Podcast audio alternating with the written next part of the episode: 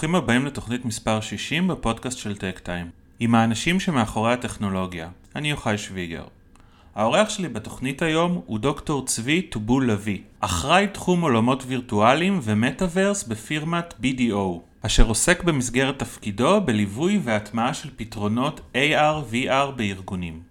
נראה שאין טכנולוגיה שידעה, לאורך תהליך הבשלתה, יותר כישלונות ומפחי נפש עסקיים וטכנולוגיים מאשר טכנולוגיית ה-AR-VR. אפשר להזכיר בהקשר זה את ה Google Glass, שהושקו ב-2013 וירדו מהמדפים תוך שנה אחת בלבד, או את שיתוף הפעולה של מייקרוסופט עם צבא ארצות הברית, שנגמר בחיילים שחבשו את קסדת ה HoloLens של מייקרוסופט ודיווחו על כאבי ראש, ועד גלי הפיטורין בחטיבת המטאוורס של Meta. כעת מצטרפת למשחק ענקית נוספת, אפל, שהשיקה החודש, לאחר עשור של פיתוח מאומץ, את משקפי המציאות המעורבת שלה, ה-Vision Pro. השקת ה-Vision Pro מעוררת עניין עצום, וזאת מאחר שאפל, באתוס ובמוניטין שלה, לא יכולה להרשות לעצמה להוציא לשוק מוצר שאינו בשל, שלא לומר מושלם. האם השקת ה-Vision Pro מעידה כי טכנולוגיית ה-AR-VR סוף סוף מבשילה? בשיחה סוקר צבי את האבולוציה רבת השנים של תחום ה-AR-VR, מדבר על הבשורה של משקפי ה-Vision Pro של אפל, וכן על השימושים שיכולים לעשות ארגונים עם הטכנולוגיה המתהווה. שתהיה האזנה נעימה. שלום צבי ותודה רבה שהסכמת להשתתף בפודקאסט שלנו. אתה מנהל תחום עולמות וירטואליים ומטאוורס בפירמת הייעוץ BDO. כבר מעצם העובדה שיש תחום מוגדר כזה בפירמה שמספקת ייעוץ לארגונים וחברות טכנולוגיה אומרת משהו על התחום. אנחנו ככה נעסוק בשיחה היום בעולמות ה-VR-AR, מציאות רבודה, מציאות וירטואלית, וננסה להבין איפה אנחנו עומדים היום ברמה הטכנולוגית, ברמת המודלים העסקיים, איך השני היבטים האלה משתלבים במושג שהפציע לחיינו לפני כמה שנים מטאוורס. אז אני אשמח קודם כל אם תעשה לנו סדר ותנסה להגדיר לנו מה המנדט שלך במסגרת התפקיד שלך ב-BDO, מהם תחומי האחריות שלך, איזה תהליכים עסקיים או ארגוניים אתה מלווה במסגרת התפקיד שלך ואני גם רואה שאתה דוקטור אז נשמח גם לשמוע איזה דוקטור כדי שנדע עם איזה מחלה לבוא לטיפול אצלך. אז באמת הדוקטורט עצמו הוא מתמקד במעבר של ארגונים לתוך עולם הווב 3 לעולמות של הווב 3 שמדברים על עולמות וירטואליים, בינה מלאכותית וכל הנושא של הביזור והבלוקצ'יין. וירטואליים בשונה מדיגיטליים? נכון, אם כי נראה לי אנחנו ניקח לנו את הנושא של ה-XR mm-hmm. כדי לבסס את כל השיחה שלנו. Okay. כן. למה אומרים XR? כי יש לנו איזשהו מנעד או על הסקאלה הזאת של בין העולם הפיזי לעולם המאה אחוז וירטואלי.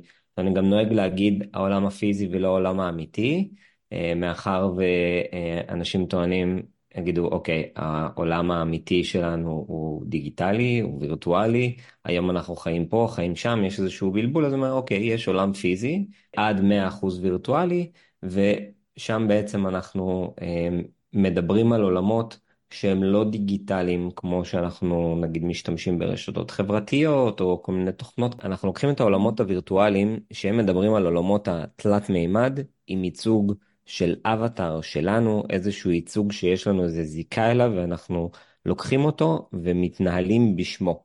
Mm-hmm. זה החלק העיקרי שהוא שונה בין העולמות הווירטואליים לעולמות הדיגיטליים.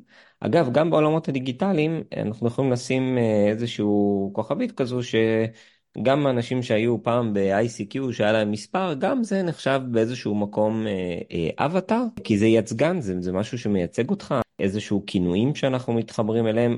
אנחנו עדיין לא בעולמות הווירטואליים שם, זה עדיין באמת אה, נחשב דיגיטלי. אם אנחנו חוזרים ככה לעניין התפקיד בארגון, כמו שאתה הצגת את זה, באמת BDO היא אחת החברות, או הראשונה, יש לומר, שהיא באמת הבינה את המגמה בשוק. יש פה כניסה של עולמות וירטואליים לארגונים. זה, זה אירוע. ובתפקיד עצמו, אני מגיע לחברות, אנחנו מלווים אותם בתהליך של האימוץ של הטכנולוגיה. המטרה שלנו שיצליחו לצלוח את המעבר הזה בצורה חיובית. יש פה איזשהו יעד. היעד זה לשאת איזשהו ערך אמיתי.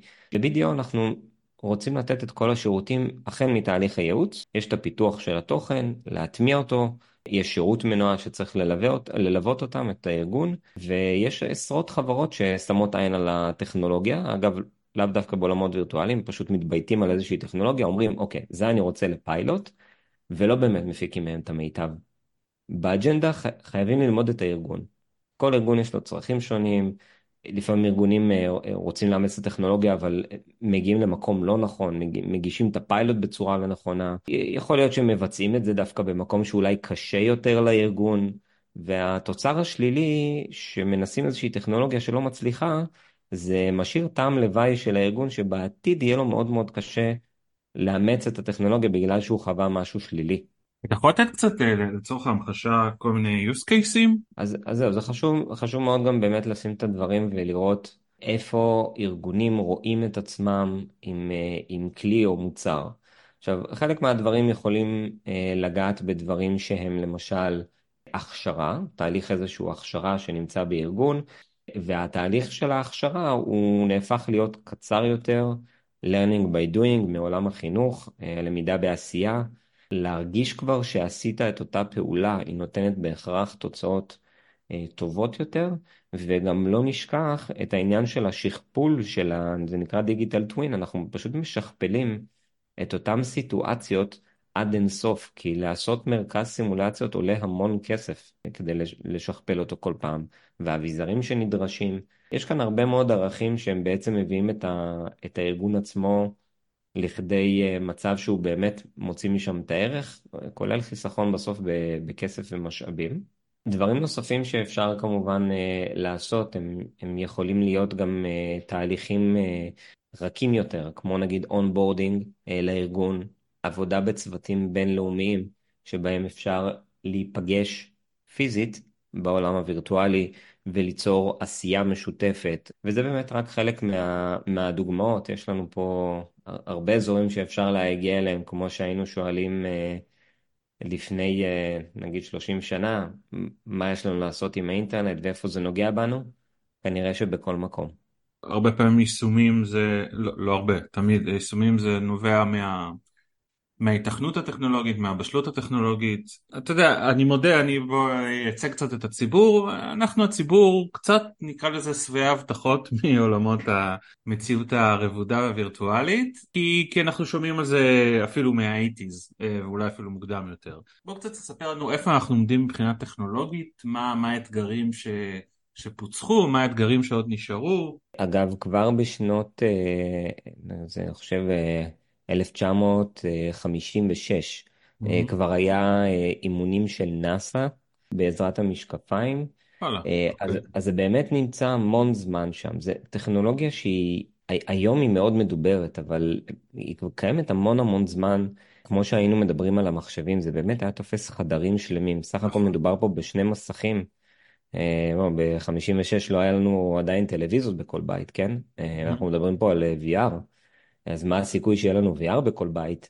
ההבטחה שאתה מדבר עליה היא באמת קשורה למה שנקרא להייפ סייקל. אה, יש עניין של בשלות של טכנולוגיה, יש מודל אה, מאוד רחב של מכון גרטנר, שהוא בוחן את הטכנולוגיות, אה, בעצם את השלבים בחיים שלהם. כל טכנולוגיה באשר היא עוברת את השלבים האלה. שלב ראשון, שלב מאוד פשוט, עוררות טכנולוגית, יש הרבה גילוי של הטכנולוגיה, מתחילים עם אה, סוג של התעניינות בשוק, מדברים עליה הרבה, כמו שאתה מדבר, הבטחות. בשלב הזה אין יכולות מסחריות. זה שלב כזה שאנחנו רואים הרבה טכנולוגיות גם שנתקעות שם, הן לא עוברות אפילו לשלב השני, שהשלב השני הוא פסגת הציפיות. שזה שלב מעניין, שופכים כסף, כולם מדברים על חדשנות, פריצה קדימה, מלא פיילוטים והצלחות, אנחנו יכולים לראות את זה על ה-VR אה, לפני, אה, נגיד, בוא נגיד בחמש שנים האחרונות, זרקו מלא כספים, ואז בשלב השלישי, שאגב גם Meta, אנחנו תכף נדבר על זה, נקרא באר ההתפתחות. זה, זה זעזוע בשוק. זה נובע מ... זה קרה בתחום הנהיגה האוטונומית קצת לדעתי. גם היה אה, הייפ גדול לפני כמה שנים, כאילו, ממש אוטוטו הרכבים נוסעים לבד, ו... עכשיו יש איזה חזרה לקרקע. נכון, ותראה, החיזוק הזה פה שאתה אה, נותן לנו, הוא, הוא בעצם בא להגיד שכל הטכנולוגיות, שבסוף אנחנו תכף נגיע לשלב האחרון שלהם, לא כולן מגיעות לשם, אבל כולן עוברות את אותם שלבים. אין טכנולוגיה שבאמת נכנסה לשוק בלי הזעזוע הזה. Mm-hmm. היה, אתה זוכר גם איזה שהם כותרות, אה, המטאוורס מת, מטא כן. נסגרה, מתפת... זה תהליך מאוד סטנדרטי, אז בתור אנשים שאנחנו בוחנים את התהליכים האלה, אנחנו אומרים, אוקיי, זה, זה, זה תהליך טוב. הוא, הוא הגיע לבשלות שם, הוא, הוא מגיע לאיזשהו שלב של התפכחות. אנחנו בונים שוק, והם שם בשביל להישאר לטווח ארוך, בשביל זה מפטרים הרבה אנשים. כדי להגיע לשלב הרביעי, השלב הרביעי הוא בעצם שלב של הערה, שזה מקום שבו החברות נשאר, שנשארות, הן מוציאות לשוק את המוצרים, הם נגישים לציבור. ברוב הפעמים אנחנו כבר נמצאים בדור השני או השלישי של המוצר, וזה באמת נגיד מטא, מטא כבר הוציאה את הדור השלישי שלה. זה אומר שהיא כבר הגיעה לשלב הרביעי, היא רוצה להגיע מאוד מאוד לשלב החמישי, או בוא נגיד כולנו רוצים שהטכנולוגיה תגיע לשלב החמישי והאחרון, שזה הכתר הזהב נקרא לו, שזה הפרודוקטיביות. הפרודקטיביות היא בשלב שהטכנולוגיה גדלה, מתפתחת, ואנחנו גם צריכים להתייחס לנושא הזה שיש כמה טכנולוגיות תחת העולמות הווירטואליים. התחלנו בשיחה של אה, הצגת הנושא מציאות מדומה ומציאות רבודה. מה שנקרא חיתוך באופן גס, יש עוד כמה מציאויות, אבל שתי טכנולוגיות נפרדות לחלוטין. המציאות הרבודה היום נמצאת פחות או יותר בשלב אה, ההתפכחות, זה מעמד נמוך יותר, אגב, מהמציאות המדומה. אה, יש לנו בעיה קשה של מכשירים, הם לא מתאימים ליישומים. דיברנו על אתגרים שאנחנו צריכים לפצח. יש פה פרויקטים רבים וגדולים שנחלו כישלון חרוץ. אחד הפרויקטים הגדולים ביותר זה צבא ארצות הברית, שקנה אה, ממייקרוסופט את ההולולנסים ב-20 מיליארד דולר, ותוך שנה הפסיק את הפרויקט והייתה כתבה על הפרויקט הכי גרוע של, ה... של העולמות הווירטואליים. יש בעיות של צ'יפים. מתי זה היה? לפני בערך שנה הם, הם הפסיקו את הרכישה של ההולולנסים. אה, והיה ברור למה זה כשל? חייל שם את המשקפיים, אומר יש לי כאבי ראש, סחרחורות. אנחנו לא מדברים פה על משהו טכני, אנחנו מדברים פה על בן אדם ששם את המשקפיים, אומר לא נעים לי. למה זה לא נעים? יש אלפי סיבות, אבל בין השאר הצ'יפים והמעבדים הגרפיים הם חלשים נורא, צריך להציג דברים שאין להם רזולוציה גבוהה, יש בעיות של עוצמת הקרנה, תמונה בסביבה מוארת, אז מתי אפשר להקרין את זה? רוב הזמן, אור יום בחוץ, לא יכלו, mm-hmm. שמו אותם במקומות סגורים, תאורה חשוכה, קצת יותר קשה להתמקד, זוויות ראייה מאוד קשות, זמני סוללה מאוד קצרים, נוחות לבישה, אנחנו ממש לא שם, זה לא משקפי ראייה, mm-hmm. אנחנו עדיין לובשים עלינו איזה משהו שדומה יותר לקסדה ולא למשקף, והכואב מכולם זה המחיר. קסדה היום סטנדרטית של הולולנס היא מגרדת את ה-3,000-3,500 אה, דולר. וואו. אה, לא מעט. מעבר ללא מעט, זה, זה, זה לא קונסומר. לגמרי לא קונסומר. אנחנו גם בשלב כל כך ראשוני, שאם אנחנו מסתכלים על הטלפונים שלנו, אז אה, נקרא לזה, היום זה סמארטפונים, כן? אבל הטלפונים הראשונים שהיו לנו, אפילו בשנות ה-90, היית רואה באמת חידוש אמיתי בין מכשיר למכשיר. Mm-hmm, אחד נכון. פתאום מסך, ואז מצלמה שלו יותר טובה. באיזשהו שלב, אצלי זה קרה בגלקסי S2, אמרתי לעצמי, אוקיי, זה לא מספיק, כאילו, מה, מה עוד אני צריך? ובאמת, חוץ מה, מהמכשיר עצמו, שאולי קצת גדל, קטן, קצת מצלמה, קצת, הגע, הגעת לאיזשהו מקום טוב, שאתה מבין מה המכשיר. ואנחנו עדיין בשלב שהמכשירים מתקדמים בקצב כל כך גבוה, שהערך של המכשיר הקודם, זרוק אותו לפח. Mm-hmm.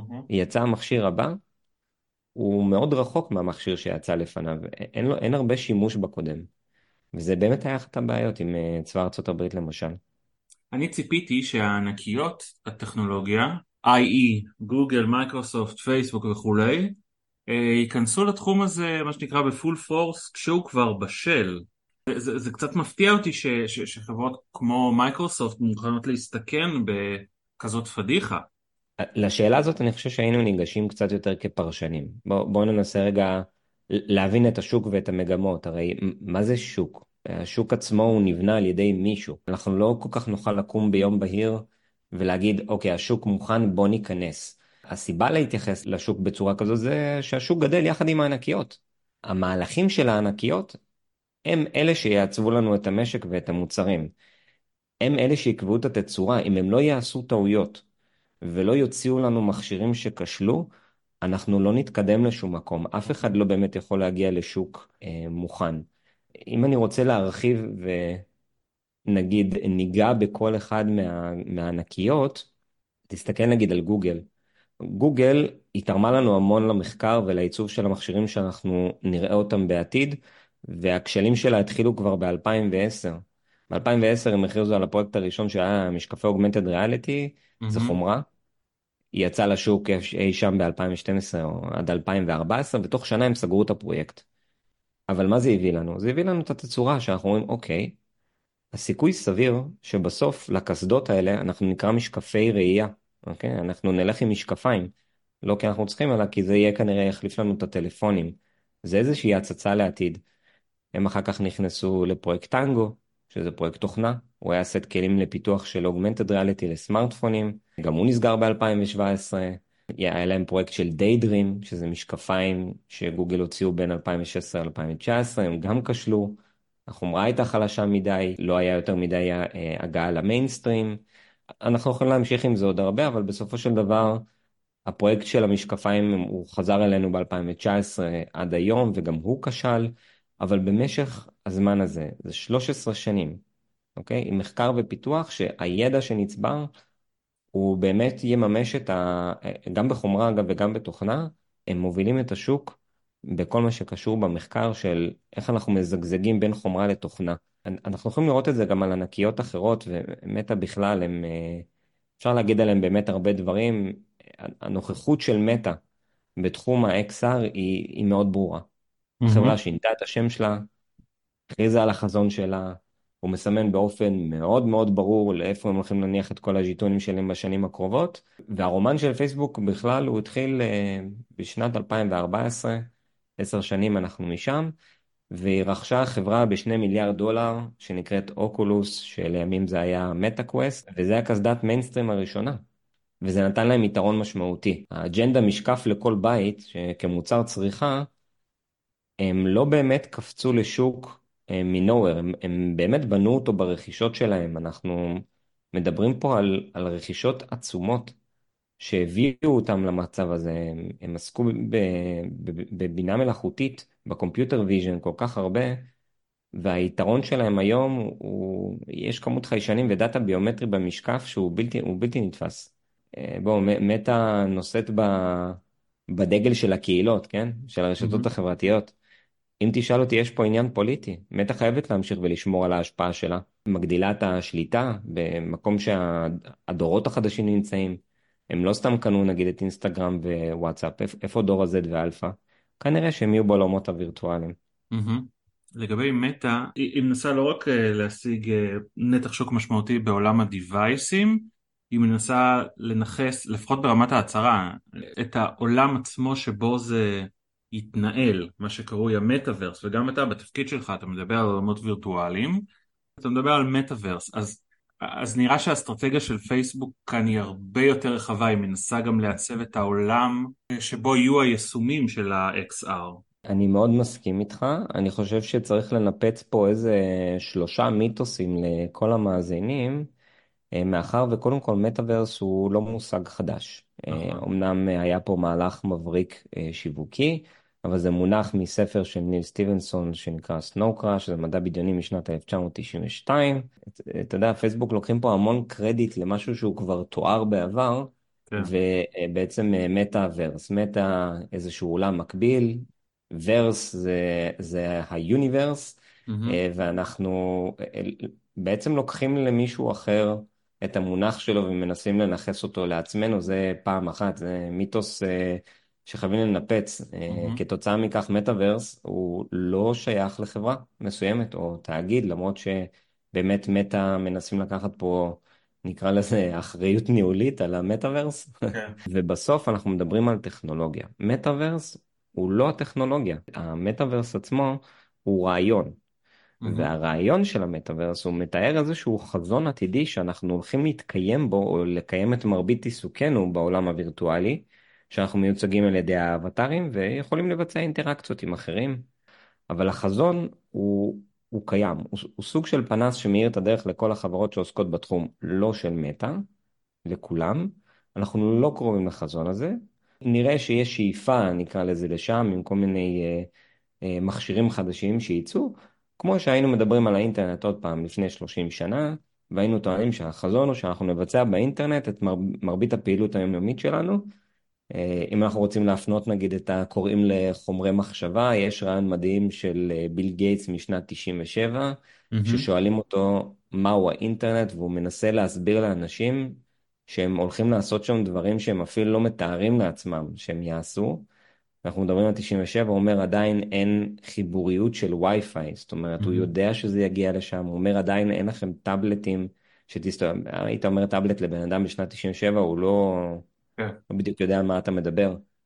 זה לראות את הנולד, אז באמת המטאוורס הוא איזשהו חזון נחמד, יפה, שכולם רוצים להגיע אליו, ואנחנו בונים אותו ביחד. Mm-hmm. דיברת, ככה סקרת כל מיני אה, מכשירים שקצת אה, קצת לא מימשו את האבטחה, גוגל ומייקרוסופט וכולי.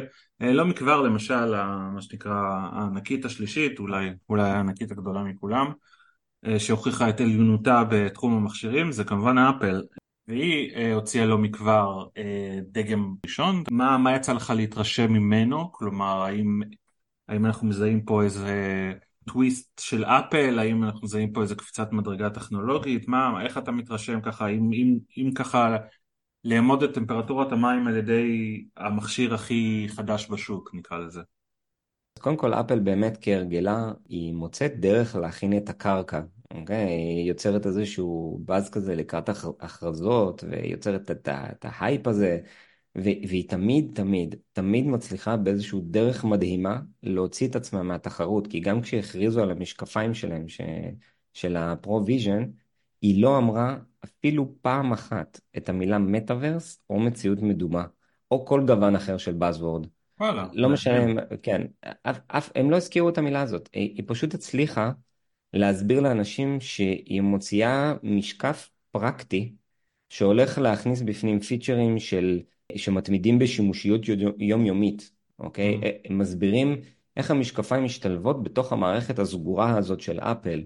הרמיזה הזאת שהמשקף הוא מהווה מכשיר לביש, שכנראה באידיאל הולך להחליף את המחשב האישי ואת הסמארטפון. מדברים עליו כמה הוא חזק וכמה הוא מדהים, ואפשר לקבל שם שיחות, וכבר לא תצטרכו לסחוב איתכם דברים. ואפל מגיעה מוכנה. אפל מגיעה מוכנה יותר מכולם. במשך העשור האחרון היא רוכשת כל כך הרבה חברות שהיא בולעת אותן פנימה, שאנחנו ממש רוצים לראות לאן נעלמו החברות האלה, אוקיי? כן. אפשר להתחיל כבר ב-2013, היא רכשה חברה ישראלית שנקראת PrimeSense, על הפיתוח של החיישן של ה-3D. שנה, שנתיים אחרי זה הם אה, קנו את Metaio, אה, שמתעסקים ב-AR ל gaming.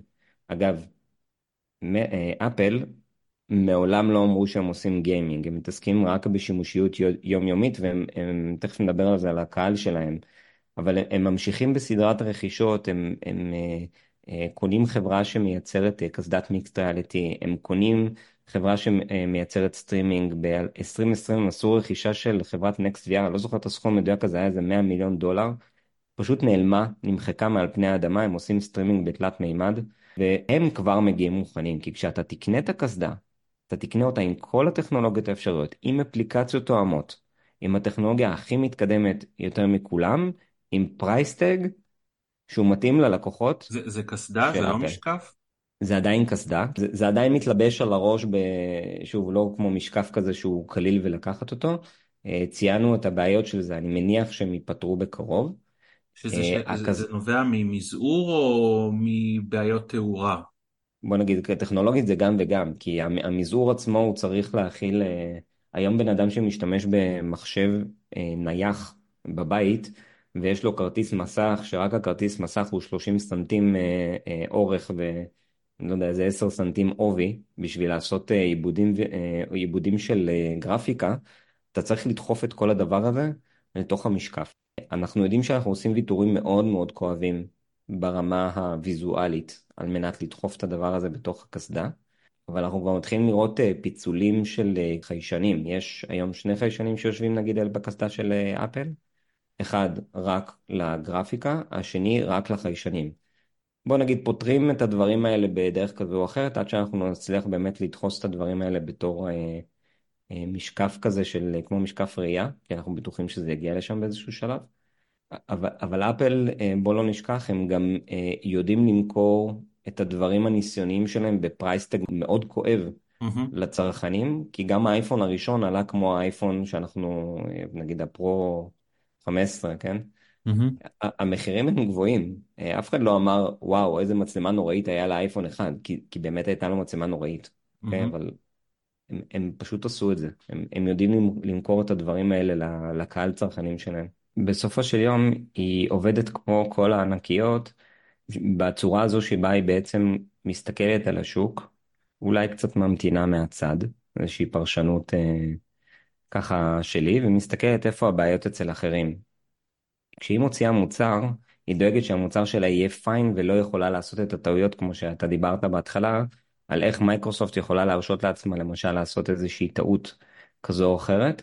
כי יש חברות שהן לא מפחדות לטעות או להוציא מוצר ושהוא ייכשל, אה, גוגל אין להם בעיה להיכשל, פותחים אה, שירות, סוגרים שירות, אה, וזה לא האג'נדה של, של אפל. אפל אוהבים לצאת אחרי שהם כבר סגורים על עצמם. היה אגב דיון כשאפל רצו להציג את המשקפיים שלהם בתוך הארגון, הם הבינו שהמוצר שלהם עדיין לא כל כך מוכן.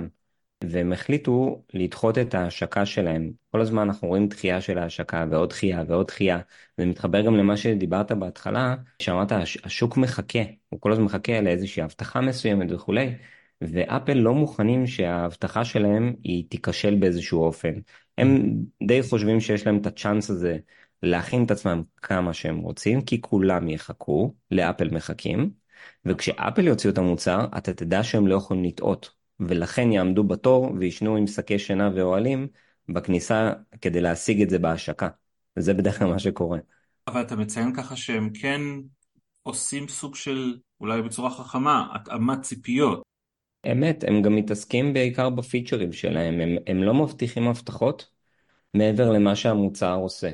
זה שאנחנו מתלהבים שהדיזיין הוא מאוד פיין ו- וזה תחת המותג של אפל, אם הייתי אומר לך זה משקף סיני אה, ושהוא נראה אה, פלסטי, כנראה שלא היית מתלהב כל כך, אבל האופן שבו הם מציגים את הפיצ'רים אומרים תראה, זה שימושי. אם אתה אדם מבוסס שיכול להרשות לעצמו את המוצרים שלנו ולעבוד בתוך המכלול מוצרים שלנו עם האפל PC, עם האייפון שלנו, עם כל הדברים שלנו, ואתה עוסק בתחום מסוים, כי יש להם איזשהו קהל יעד מאוד ספציפי, אתה כנראה לא תמצא את זה אצל אנשים שהם גיימרים, זה גם לא כל כך מעניין אותם. אז אומרים, אם, אם אתה שם, אתה תצטרך את זה.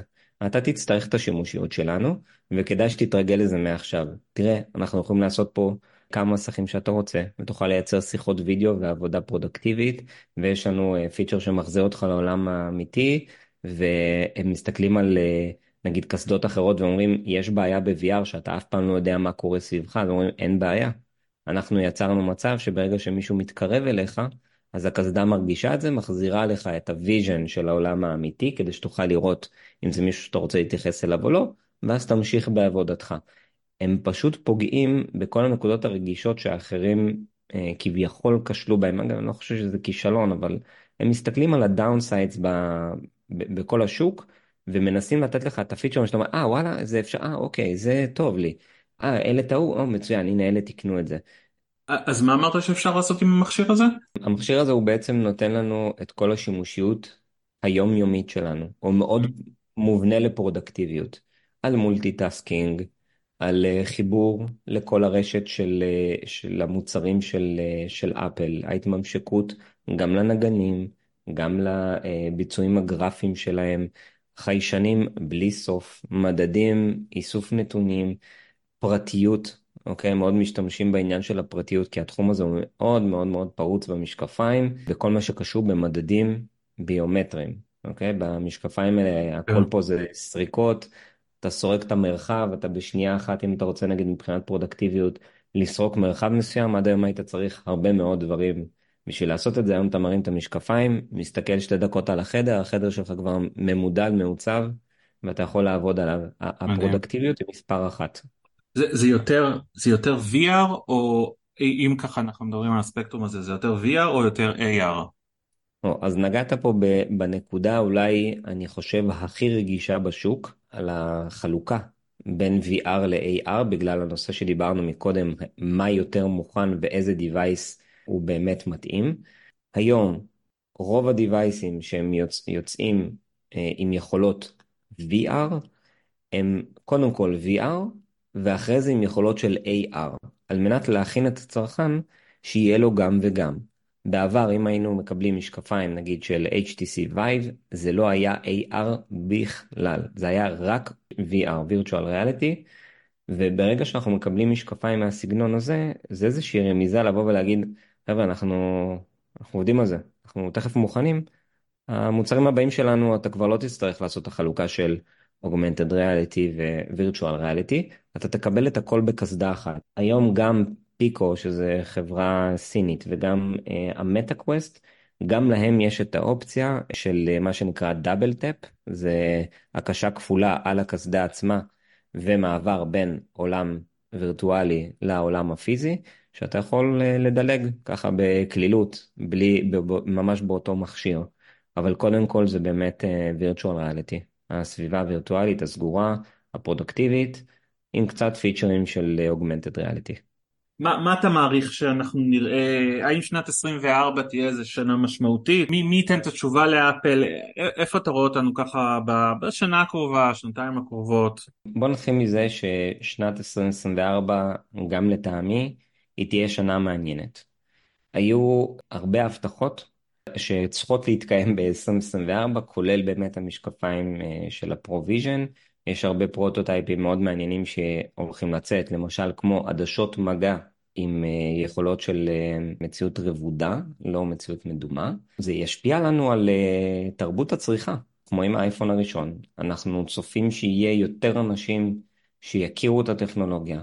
המכשירים החדשים הם מכילים עדיין צ'יפים שהם מוגבלים ביכולות שלהם, אבל עדיין משלשים את היכולות שלהם מהמכשירים הקודמים.